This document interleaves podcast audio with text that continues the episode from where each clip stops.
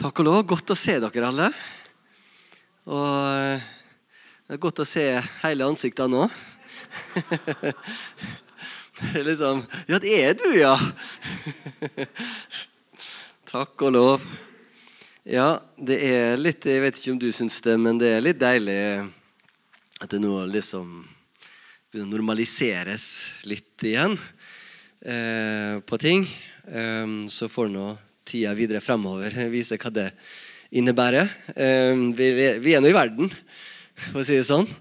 Så, eh, men eh, ja, så det, det, er godt at ting begynner å roe seg litt i forhold til alle disse her tingene som har hengt med nå, koronasituasjonen. og alle vurderinger. Og, og, jeg har full forståelse for at de som skal ta vurderinger og avgjørelser og Det er ikke alltid en helt enkel prosess, særlig når vi lever i en tid og i et samfunn hvor alle har hver sin mening om alt hva som er rett. Og alle har selvfølgelig rett.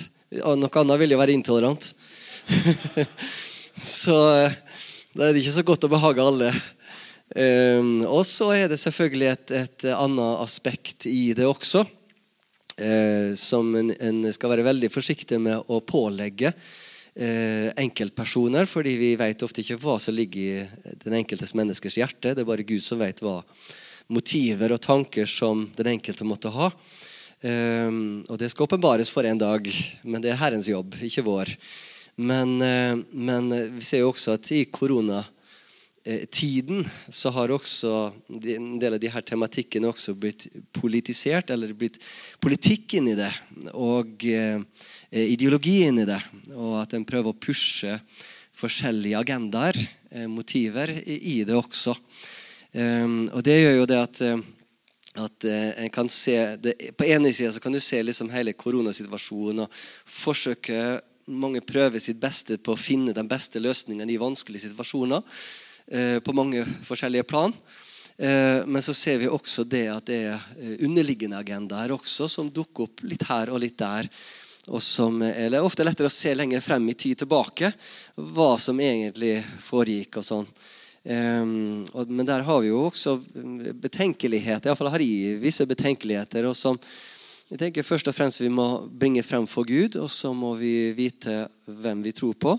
Og så må vi vite hva vi står for eh, i forhold til de her utvidelsene av begrensninger eh, rettigheter til å kunne stenge ned og, mange av de her tingene. Som, det har vært en ekstrem fryktfokusering.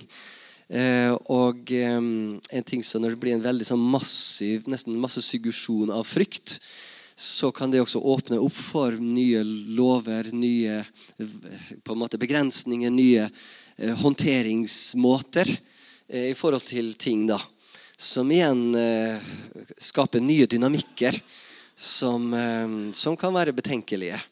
Eh, fordi det er jo litt sånn Du åpner Pandoras boks ikke sant, som et uttrykk.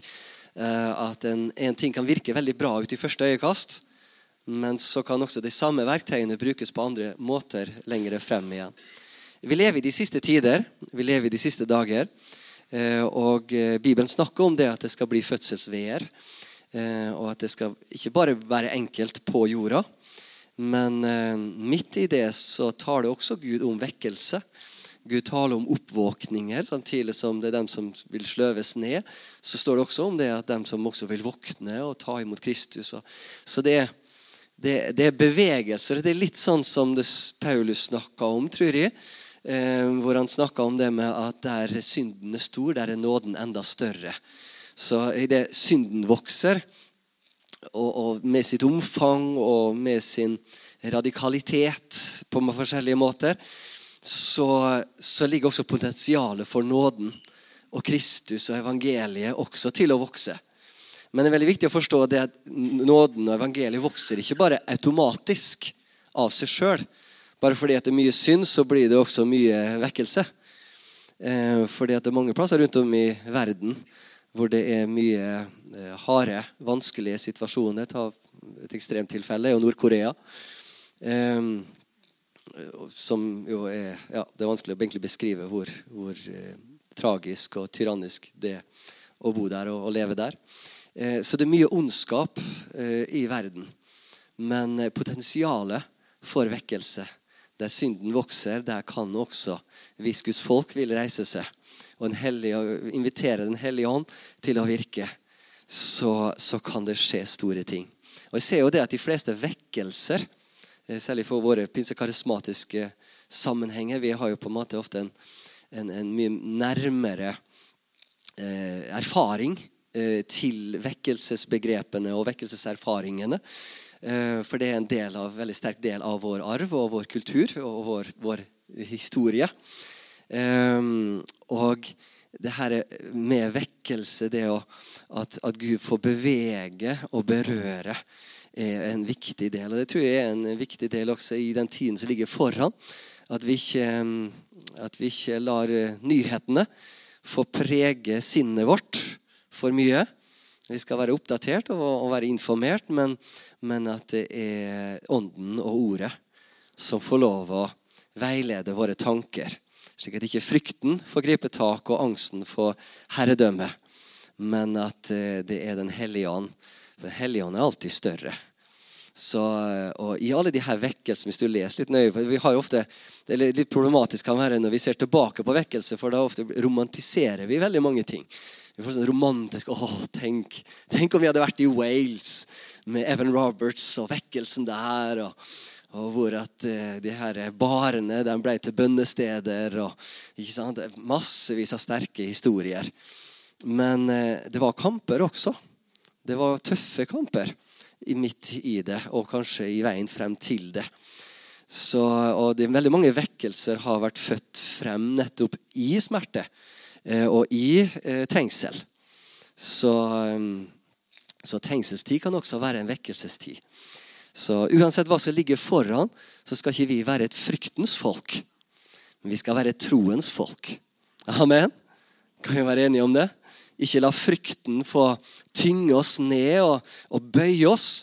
Men at, og Noen ganger trenger vi hverandre til det. Jeg har kjent på, jeg har observert og sett og satt meg inn i litt forskjellige strømninger og, og, og bevegelser og, og, krefter som beveger seg i tiden i dag, så jeg har kjent på frykt, jeg også. Eh, for det er, ikke, det, er ikke, det er ikke, små krefter som er i sving. Men eh, fra himmelens side det er ikke små krefter der heller som er i sving. Og, og tenk om vi bare nå et lite øyeblikk og bare kunne tatt et steg tilbake og fått åpna opp himmelen over oss. Og bare fått et glimt inn den åndelige verden og få se hva, Gud, hva er det du holder på med? Hvor er englene hen? Hva er det som skjer?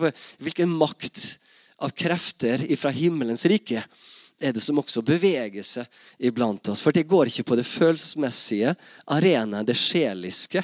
Vi prøver å sense Guds rike gjennom vår sjel, og det er ofte, ofte en litt sånn eh, merkelig skummel Du kan plukke opp mye, og du kan plukke opp mye rart som ikke har med Gud å gjøre i, i den arenaen.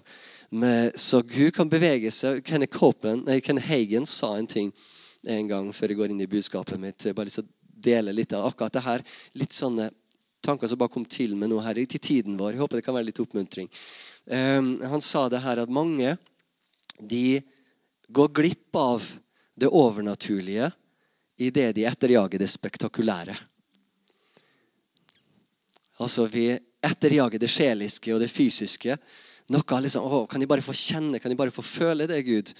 Og så, og så senser vi etter det menneskelige istedenfor det overnaturlige. For overnaturlige behøver ikke nødvendigvis ha fysiske eller sjeliske manifestasjoner, men de er likevel virkekraftige. Så når, når, du har en person som faller under Guds kraft, ja, takk og lov. En person som står helt vanlig, normalt under Guds kraft, er også takk og lov.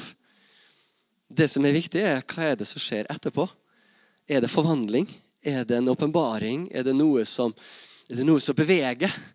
Det har ikke med det ytre manifestasjonen å gjøre. Om du faller, så fall. Takk og lov. Helt i orden. Hvis du ikke vil falle, så la være. På en måte. Men, men er, det, er, det, noe av Den hellige ånd, er det noe av Guds rike, som berører i hva enn du opplever? I møtet, eller i bibellesingen, eller i bønnetida. Eller, og så kjenner du det at, at Gud virker med sin ånd. Amen. Takk og lov. Himmelske Far, vi bare vender vårt hjerte inn til det, Herre Far, i, i det vi går inn i ordet i dag. Takker, Herre Far, for vi skal ikke være et fryktens folk, men et troens folk. Du kaller oss, Herre Far, til seier og ikke til nederlag. Og jeg bare takker Herre Far for at du også kaller oss til å være én kropp, og ikke være splittet i alle mulige retninger. Så jeg takker Herre Far for at for at vi skal kunne stå i denne tiden, så trenger vi å stå sammen og stå samlet.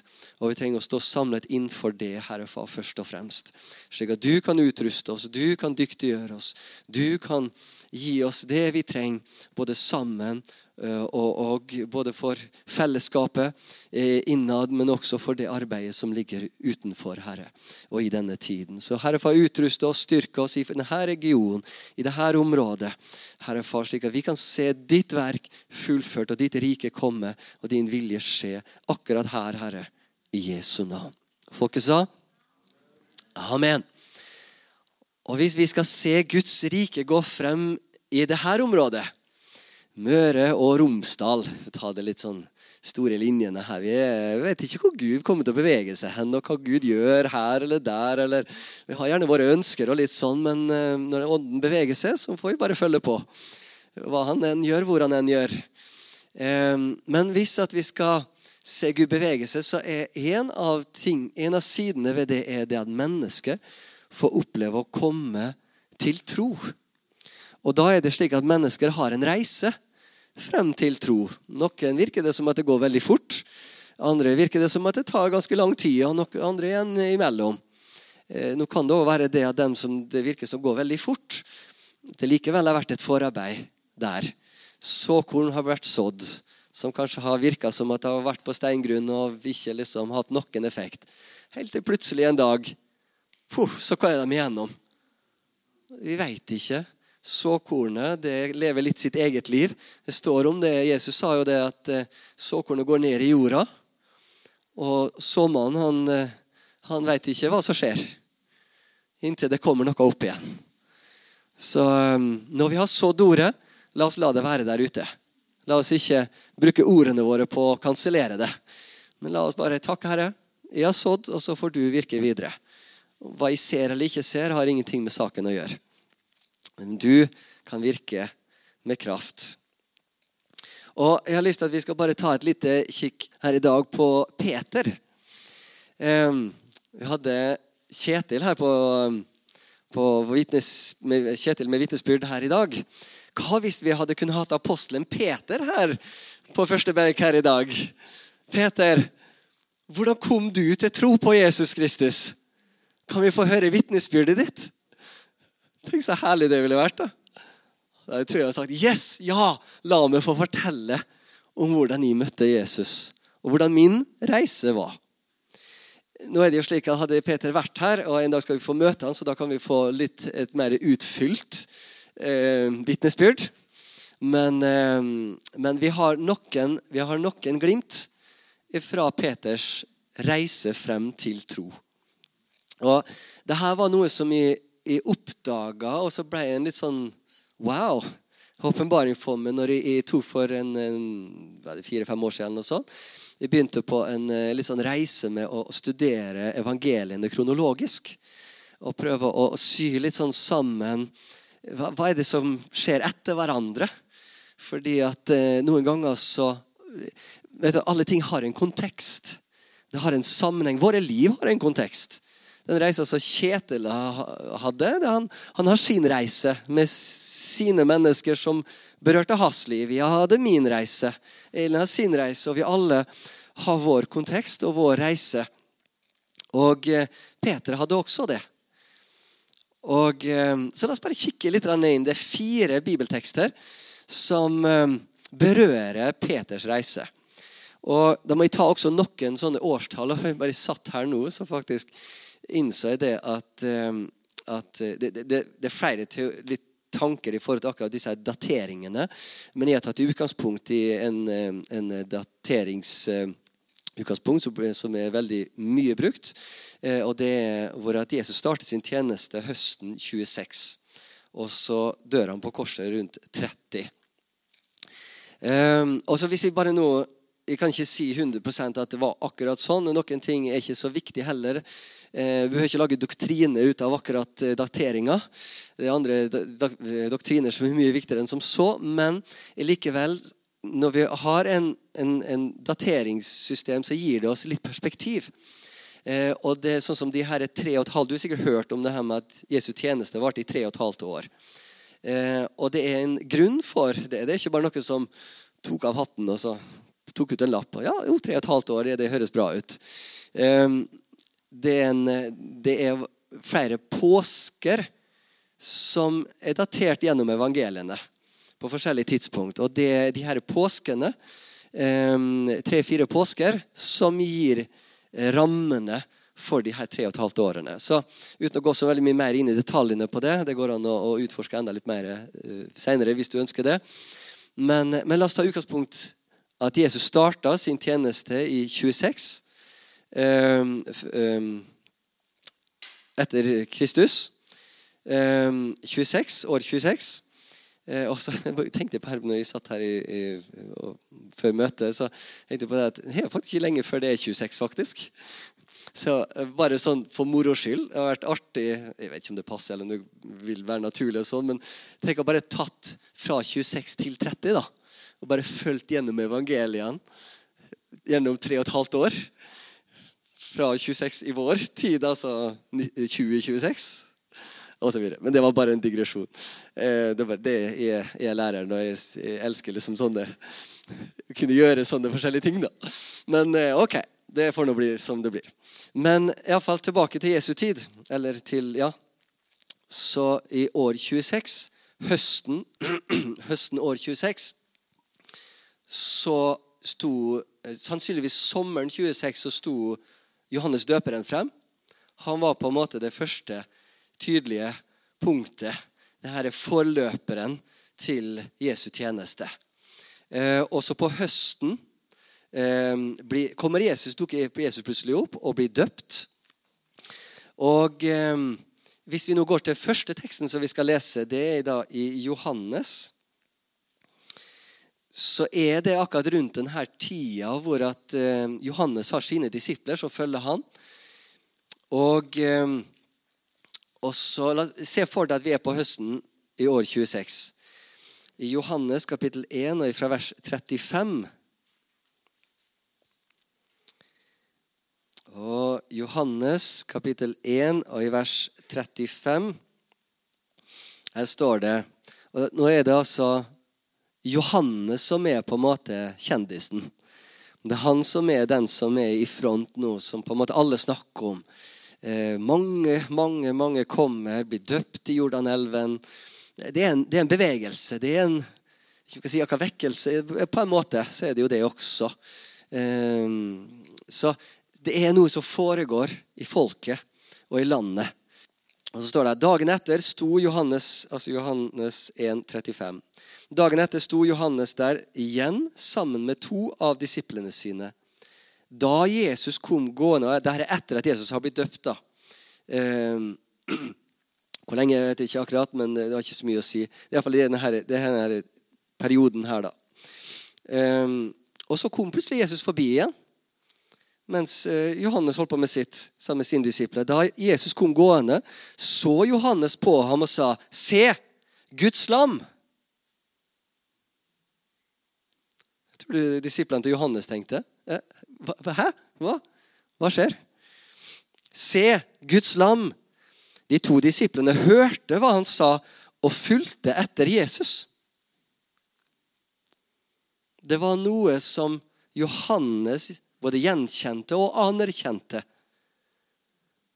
Og som de her to som hørte det her, kobla på noe. Det, hva, hva var det Johannes så her nå? Sannsynligvis en nysgjerrighet, en interesse. Og så følger de etter Jesus. Han må vi sjekke litt nærmere. To, de to disiplene hørte hva han sa, og fulgte etter Jesus. Jesus snudde seg og så at de fulgte ham, og han sa, 'Hva leter dere etter?' liksom, Hva går dere etter meg for? Liksom, er det, har du, noen gang opplevd at du har gått på gata, så plutselig går noen etter det? Uten at du helt vet hvorfor. Kanskje noe sånt som skjedde her. jeg vet ikke helt. Jesus spør nå iallfall hva leter dere etter. Er det liksom noe dere leter etter her? Jesus visste nok mer, men uh, interessant i fall å se hvordan liksom, situasjonen utvikler seg her. De svarte, 'Rabbi, hvor bor du?' Rabbi betyr lærer. Ja vel, kom og se, svarer Jesus. Også en fint svar. Sa Jesus. De gikk da med ham og så hvor han bodde. Og de ble hos ham den dagen. Det var omkring den niende time. Så her ser vi et, et litt sånn personlig skifte her. Her har vi to personer som følger Johannes. Og så lederen deres gjenkjenner et eller annet og anerkjenner noe hos en annen. Som Jesus, så langt vi, vi kan bedømme, ikke noe spesielt kjent eller eh, anerkjent foreløpig. Eh, og Jeg vet ikke om Jesus har begynt å samle disipler enda. Eh, men i alle fall så, så anerkjenner iallfall eh, Johannes her. Og så kobler de på med Jesus, blir med Jesus hjem, er sammen med Jesus hele dagen. Hva samtaler var det der? Hva opplevelser var det der? Det vet vi ikke. Men noe var det iallfall. De gikk nå ikke hjem igjen med en gang. De ble jo der, så det måtte ha vært noe interessant. Måtte ha vært spennende. Måtte ha vært eh, interessant å være sammen med Jesus en hel dag hjemme hos Jesus. Og fra vers 40 Andreas, Simon Peters bror Her Nå kommer koblinga. Andreas, altså bror til Peter, var en av de to som hadde hørt Johannes sa, og som hadde fulgt etter Jesus. Så Jesu bror, nei, Peters bror var det en av disse her to som fulgte og ble med Jesu hjem. Og opplevde sikkert ting der. Hørte, lyttet, erfarte. Jeg vet ikke akkurat hva, men noe måtte ha berørt Andreas sitt liv. For når du ser på Andreas sin respons i etterkant, etter det møtet den dagen, så ser du at noe har endra seg ifra å ha fulgt Johannes, som var på en måte både kjendisen og den store taleren og den store forkynneren. og på en måte, det her er virkelig, Skal du være skal du være med på det Gud gjør i dag, så er det Johannes. Det skjer sterke ting. Men fra å ha hatt en dag sammen med Jesus, så har noe, noe skifta i Andreas sitt hjerte. Han ser noe Fortsatt med dyp respekt for Johannes, men, men det er noe det er noe annet her som foregår også. Det er ikke bare, Gud virker ikke bare i Johannes, det er også en som heter Jesus her. Så Gud virker i og hos. Skal vi se Hvor var vi hen da? Andreas, skal vi se Vers 41. Han fant nå først sin bror Simon. Så etter at fikk møte, Andreas fikk et møte med Jesus Det første han gjør, er å finne bror sin. Og hør på denne samtalen her. Han fant nå først bro, sin bror Simon og sa til ham vi har funnet Messias. Messias betyr den salvede. Så førte han Simon til Jesus. Legg merke til dynamikken her. Jesus så på ham og sa, 'Du er Simon, sønn av Johannes. Du skal hete Kefas.' Det er det samme som Peter. Så her ser vi hvordan Andreas følger eh, Johannes, men så skjer det et skifte. Han plukker opp det er et eller annet Johannes ønsker å si her, ønsker å kommunisere. Han kobler seg på Jesus, blir sammen med Jesus en dag og blir berørt. Og første han da gjør etterpå, er å få tak i sin bror og ta med han til si at 'Jeg har funnet Messias. Du må komme og møte han du også. Eh, så her ser vi det første møtet med Jesus som Peter får med Jesus, som vi, som vi har dokumentert i, i, Skriften. Interessant også et sånt spørsmål på en måte, hvordan kommer mennesker til tro. Det er spesielt to ting som er, er sentralt eh, i forhold til å komme til tro. Det første er Den hellige ånds verk. Ingen kommer til tro uten ved Den hellige ånd som virker. Og Den hellige ånd kan virke på veldig mange forskjellige måter, men Den hellige ånd er den røde tråden. Det andre er det at Gud bruker mennesker. Jeg bare stille spørsmål her nå. Er det noen av dere som er her i dag, på deres reise frem til tro på Jesus, hvor det var mennesker involvert? Rekk på han hvis mennesker var involvert på en eller annen måte. Jeg tror, jeg tror egentlig det med oss alle sammen så brukte Gud mennesker på forskjellige måter. I vitnesbyrdet til Kjetil ikke sant? det var søndagsskolelærer, det var en studiekamerat. Kanskje andre, hvis den har gått nøye inn og se. Så Gud bruker forskjellig. Gud bruker oss mennesker. Og det kommer så tydelig frem i denne eh, eh, interaksjonen og denne situasjonen med Andreas og sin bror Peter. Og Andreas sitt møte med Jesus og Peters sitt første møte med Jesus. Men så ser vi det at for Peter, i alle fall. Eh, Andreas var jo allerede eh, kanskje bra i åra med om vi skal kalle det religiøse eller det åndelige. Han har allerede vært følger av Johannes og kanskje vært tett på og opplevd ting. og allerede hatt kanskje ei reise og kanskje er noen steg foran Peter. Men eh, Peter tar det enda et års tid før at han endelig lander det er ikke her Peter sier at ok, nå skal jeg følge det for resten av mitt liv, og jeg bare legger alt annet til sides. Det tar enda tolv måneder ca. før at det her lander. Men i løpet av de tolv månedene, fra høsten 26 til høsten 27, høst-vinter 27, så, så, ser vi stadige berøringspunkter med Jesus i Peters sitt liv. Og og, og, fire av dem har vi dokumentert eh, i, i evangeliene. Og Det første berøringspunktet er det som vi ser her nå. Det andre er det i Matteus kapittel 4 og i vers 18. Matteus kapittel 4 og i vers 18. Og eh, La oss bare lese fra vers 18 til og med vers 20. Så skal jeg gjøre noen kommentarer på det som står der også. Vi bare leser gjennom det.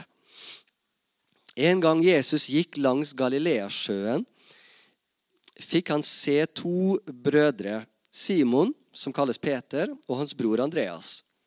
De var i ferd med å kaste not i sjøen, for de var fiskere. Han sa til dem, 'Kom, følg meg, så vil jeg gjøre dere til menneskefiskere.' Straks lot de garnet ligge og fulgte ham. Den hendelsen her, den, den første, den var jo sikkert på høsten 26. Det vi snakker om nå, eh, snakker vi om eh, om sommer, sommer Kanskje sommer, eh, sommer 27 en plass. Iallfall etter den første påskedokumentasjonen, eller påske, det punktet vi har fått de tre og et halvt årene. Eh, og sannsynligvis frem mot, For det er flere andre ting som skjer i, i Jesus sin tjeneste. Men så dukker plutselig Peter opp, da, i Matteus, eh, dokumentert i Matteus evangelium der. En gang Jesus gikk langs Galileasjøen, fikk han se nå, Og det kan være, kan være mange berøringspunkter også som ikke er fortalt om her. Men, men, vi ser en progresjon i de dokumentasjonene som vi har. En gang Jesus gikk langs Galileasjøen, fikk han se to brødre Simon, som kalles Peter, og hans bror Andreas. De var i ferd med å kaste not i sjøen, for de var fiskere. Han sa til dem, 'Kom, følg meg, så vil jeg gjøre dere til menneskefiskere.' Det er sannsynlig her også at det har vært flere berøringspunkter eh, fra, fra, høsten 26 til eh, sommeren 27, som ikke vi vet om. Men eh, når at Jesus sier, 'Du, kom, følg med', så legger de fra seg akkurat det de holdt på med arbeidsdagen der. Og så følger de Jesus. Så den var ikke ukjent for Jesus, den var kjent med Jesus. Så det har sikkert vært eh, flere, mange berøringspunkter kanskje på den tida der. Eh, men det som er interessant her, som jeg trodde tidligere, før jeg gikk litt eh, mer inn i stoffet, at jeg trodde at det var her var en av de punktene hvor, Peter la fra seg og virkelig fulgte Jesus. Men det var det ikke. Det er enda litt seinere. Vi er enda på sommeren 27. Men vi ser det at det, det, kan virke som kanskje det er nysgjerrighet for det at Peter ja, legger fra seg og følger etter. Og hva Jesus da gjorde videre der, det vet vi ikke helt. Om han da hadde en preken, eller om han da tok dem med seg hjem, eller om det var andre ting de opplevde sammen. Det står det ingenting om. Men de fulgte etter han og var sammen med han. Så um, Og da skal vi se en, en, annen situasjon, som er også rundt samme tid. Eh, litt seinere, kanskje, men rundt samme periode. Kanskje sommer, sommer-høst, muligens. Det er i Lukas kapittel 5 og vers Nei, skal vi se, det er eh, Markus kapittel 1 og vers 29. Og Her ser du at Jesus og Peters sitt liv krysser hverandre enda mer i hverdagsliv og i hverdagssituasjoner. Og ifra vers ehm, Du kan jo lese på egen hånd litt mer sammenhengen i forkant her. Men ifra fra vers 29 så står det i Markus 1, 29. Da de forlot synagogen, gikk de rett hjem til Simon og Andreas. Så de har vært i synagogen, og Jesus er sammen med dem. Så de har vært i synagogen. Jesus har vært i synagogen. Og etter at møtet er ferdig, etter at søndagsmøtet er ferdig Se for oss her nå i dag, vi er samla. Etter at de har vært på, på gudstjeneste, så skal de hjem, og de må få seg noe mat. Så jeg vet ikke om det er Peter og Andreas som inviterer. Bli med hjem til oss nå. Ja, vi ordner mat. Kom igjen, bli med. I alle fall så står det at Da de forlot synagogen, gikk de rett hjem til Simon og Andreas. Jakob og Johannes fulgte med. Her lå Simons svigermor til sengs med feber, og de fortalte det straks til Jesus. Så svigermor til Peter var syk hjemme. Men Jesus var med. Etter gudstjenesten så var, Jesus med hjem, og de fortalte til Jesus at svigermor i huset var, var syk. Han gikk bort til henne, grep henne i hånden og reiste henne opp.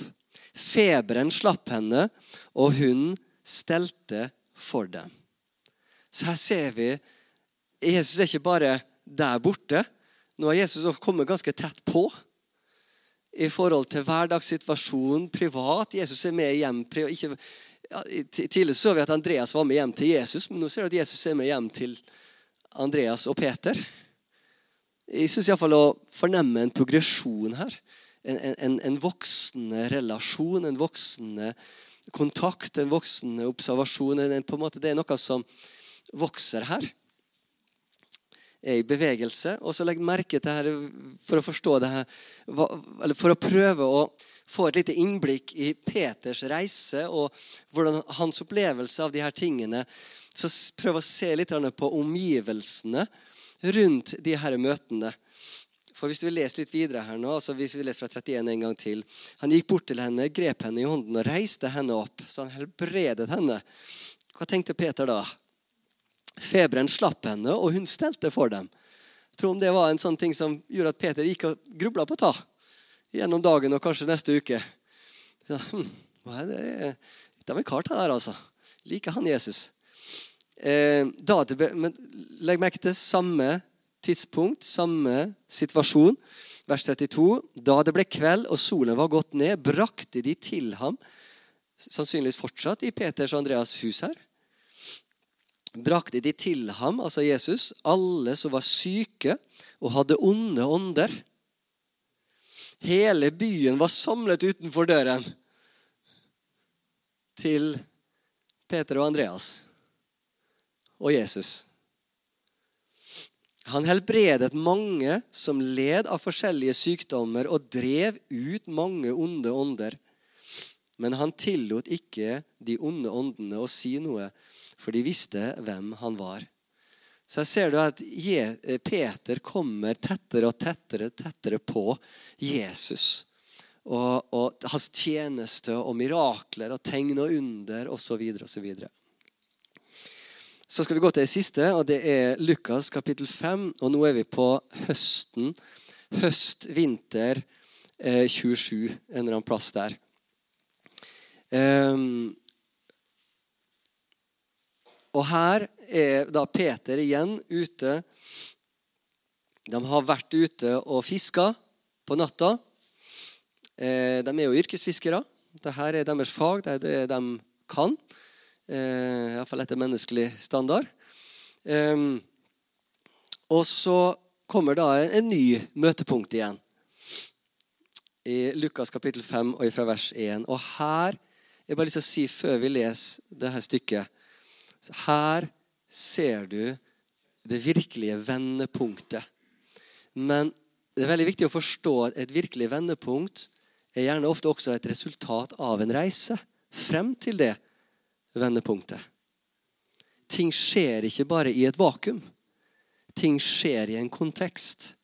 Så når vi ser noen som virkelig får et møte med Gud og får en radikal omvendelse, så skjer ikke det liksom bare som en sånn big bang. Bare sånn pang. Så skjer det ut, ut av ingenting. Men det skjer som en prosess. Den hellige ånd er per, den perfekte gentleman som vet hvordan på en måte han skal bevege hver og en av våre hjerter og våre liv frem til det her punktet som vi alle behøver. Hvor vi virkelig må ta en stilling til hva vi skal gjøre med livet og evigheten. Og akkurat Det vendepunktet kan se litt forskjellig ut fra den ene til den andre, men det er noen likhetstrekk for alle som vil følge Jesus i forhold til det vendepunktet. La oss lese hva som skjer her nå da, i det fjerde kontaktpunktet som er nedskrevet. En gang sto Jesus ved Genesaretsjøen, og folk trengte seg inn på ham for å høre Guds ord. Her har altså Jesus vært i, i tjeneste ca. et års tid. Og nå begynner folk å, å, å, å, samle seg for å høre på ham i, i, i større grupper. Da fikk han se to båter som lå ved stranden. Fiskerne var gått ut av dem og holdt på å skylle garn. Så vi ser Jesus som holdt på å undervise sammen med noen disipler. Ganske sikkert. Uh, og så har vi, har vi uh, to båter. Det er fiskere som har holdt på, og nå holder de på å skylle garn. Jesus steg opp i en av båtene. Og bare tenk litt på det her. Noen ganger er det akkurat som Gud bare setter oss opp for et eller annet. Det står det om Jesus det står at Jesus gjorde ikke noe uten at han først hørte. Han gjorde ikke ting på tilfeldighet, men han gjorde bare det han først hørte Faderen si. Eller det han så Faderen gjøre. Det gjorde Jesus. Så det her virker som det er to atskilte situasjoner på stranda der. Jesus preker. Noen fiskere har holdt på å ordne garna etter å ha holdt på hele natta. Og Det virker litt sånn atskilt, men så beveger Jesus seg og går opp i ene båten. Så to separate situasjoner som i utgangspunktet ikke har noe med hverandre å gjøre, plutselig blir én og samme noe er i bevegelse, og det vil du se videre i situasjonen her nå, at det er akkurat så på en måte, det er akkurat som det er et divine appointment som er i in the making, som er på en måte på vei til å etablere seg. Det er et guddommelig øyeblikk som er på vei til å skje. Men det er ikke alltid så godt å se det idet det kom, er i bevegelse, men du ser det etterpå. Og når det skjer, så Wow! Nå beveger Den hellige ånd seg. Nå, der, nå er det. Nå er Guds ånd her, f.eks. Men, men så kan du se tilbake da på hvordan ting begynte å bevege seg. Og hvor Den hellige ånd bare begynte å sy forskjellige deler sammen for å, for å sette opp situasjonen. Jesus steg opp i en av båtene, den som tilhørte Simon.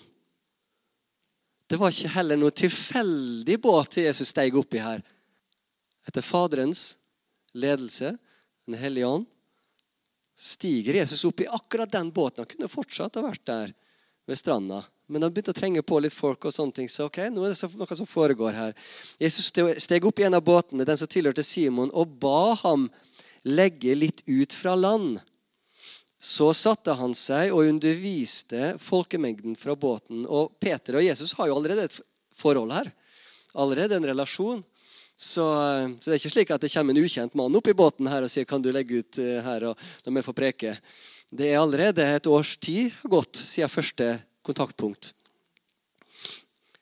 Da han var ferdig å tale Det står ikke noe om hvor lang tid Jesus hadde talt her. Men i alle fall, når Jesus var ferdig, uansett hvor lang tid det måtte ha vært, kort eller langt, så, så, sies oss vender og nå ser du progresjonen videre her i forhold til et guddommelig øyeblikk som er, er, på vei til å etablere seg. Det bygger seg opp litt sånn sakte, men sikkert. Og hva Jesus har preka om også, er et litt sånn uh, ubesvart spørsmål. Kan det være at noe av det Jesus har berørt i det han har talt over også, er noe som har talt inn i Peters sitt liv? mens han, han, han måtte jo sitte her og vente, for det var hans båt. Så, men det er sikkert han har sittet her også med interesse og nysgjerrighet på det Jesus talte over. Da han var ferdig med å tale, sa han til Peter.: Legg ut på dypet og sett garn til fangst. Og plutselig går det fra å være veldig åndelig og her ute på liksom sterke møter og, vi, vi, kan noen ganger liksom kanskje litt overåndeliggjøre eller ikke overåndeliggjøre, men, men iallfall vi det, det, er enklere når ting er liksom der, der, borte. Vi kan si gjerne amé og at Gud gjør mirakler når ting er litt på avstand. Men når, eh, når Herren kommer og utfordrer oss litt sånn tett på, og litt i vår hverdagssituasjon, så kan det ofte være litt, litt mer krevende.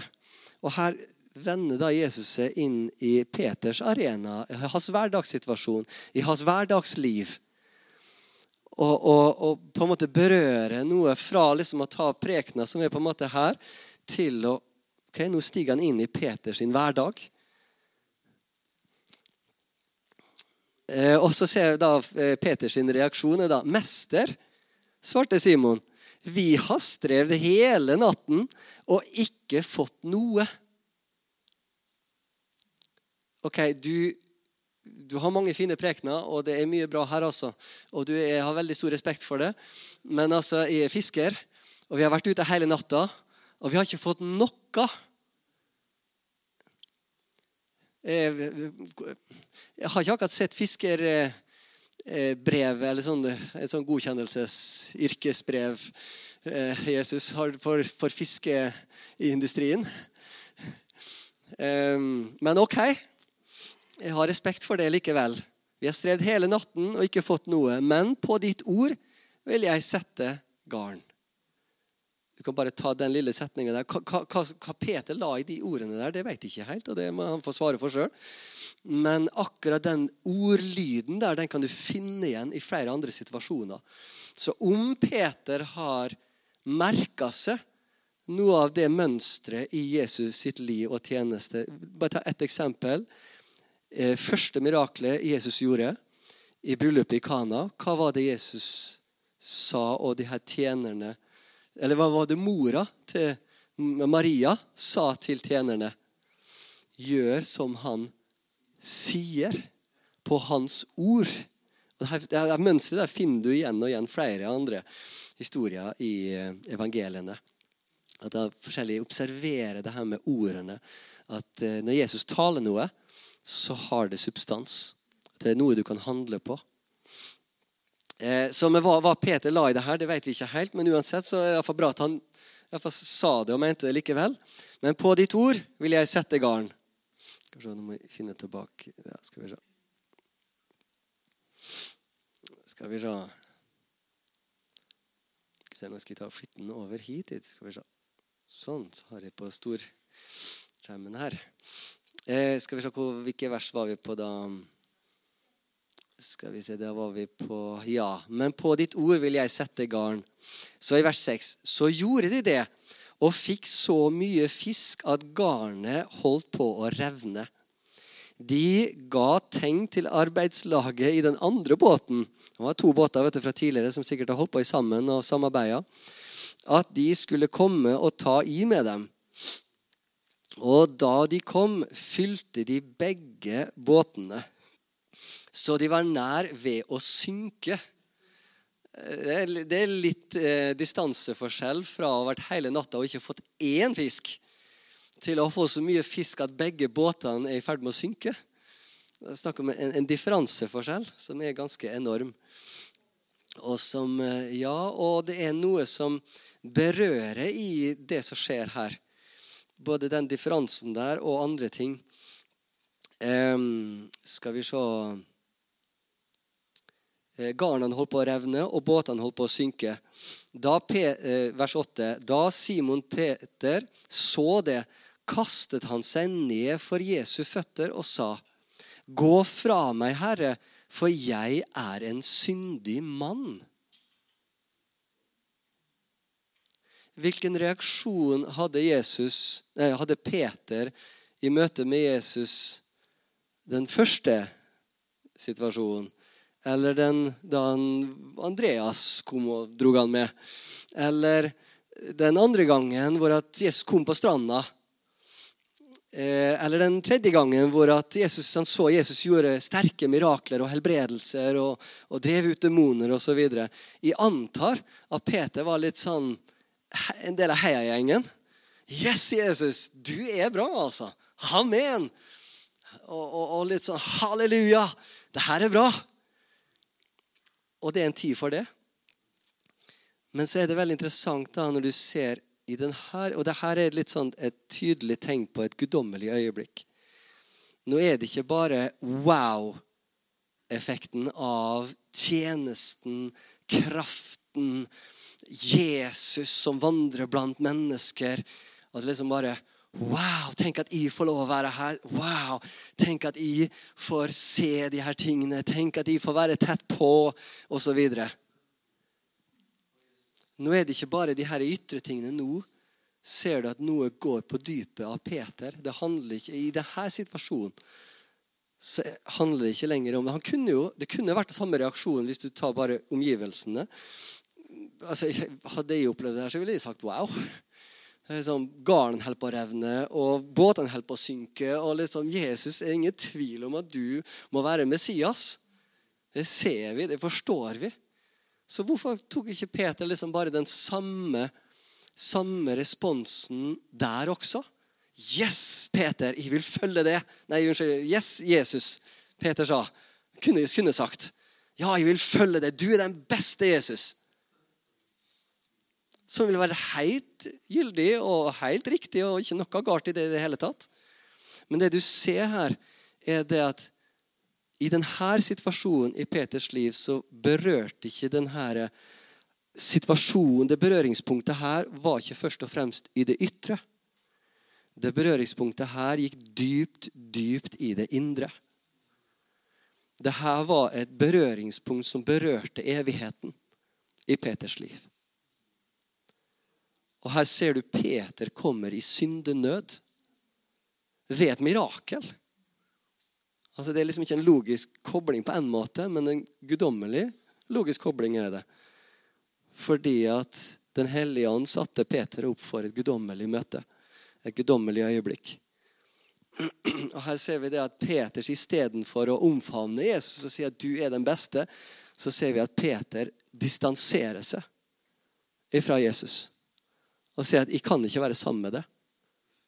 Du er hellig, jeg er syndig. Jeg har ingenting å stille, opp med det, og jeg har ingen eh, eh, Hos meg er det mørke, hos deg er det lys. Hvordan kan jeg være sammen med det? Hvordan kan jeg møte det? Hvordan kan jeg følge det? Når det er sånn hos meg. Og der skjer det det endelige, virkelige vendepunktet i Peters liv i forhold til Jesus. For La oss lese videre. Da Simon, vers 8. Da Simon Peter så det, kastet han seg ned for Jesu føtter og sa, Gå fra meg, Herre, for jeg er en syndig mann. For han og alle som var med ham, ble grepet av forferdelse over den fangsten de hadde fått.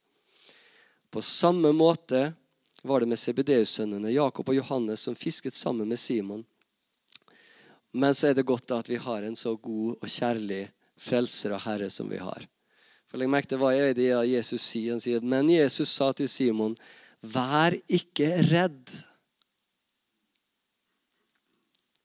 Vær ikke redd i møte med det mørkeste og det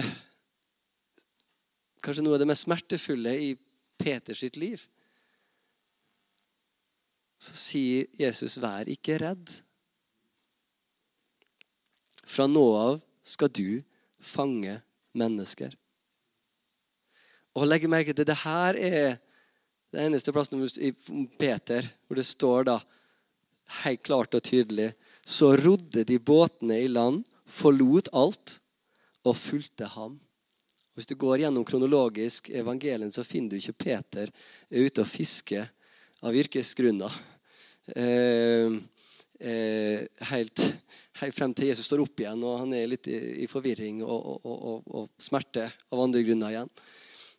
Men så du ser det at her kommer, etter et helt år ca., tolv måneder, av forskjellige berøringspunkter, en reise mot tro. En reise av å oppdage Jesus. Ikke bare Jesus i det menneskelige, en menneskelig person, men virkelig den han i sannhet er. Den levende Gud. Levende Guds sønn.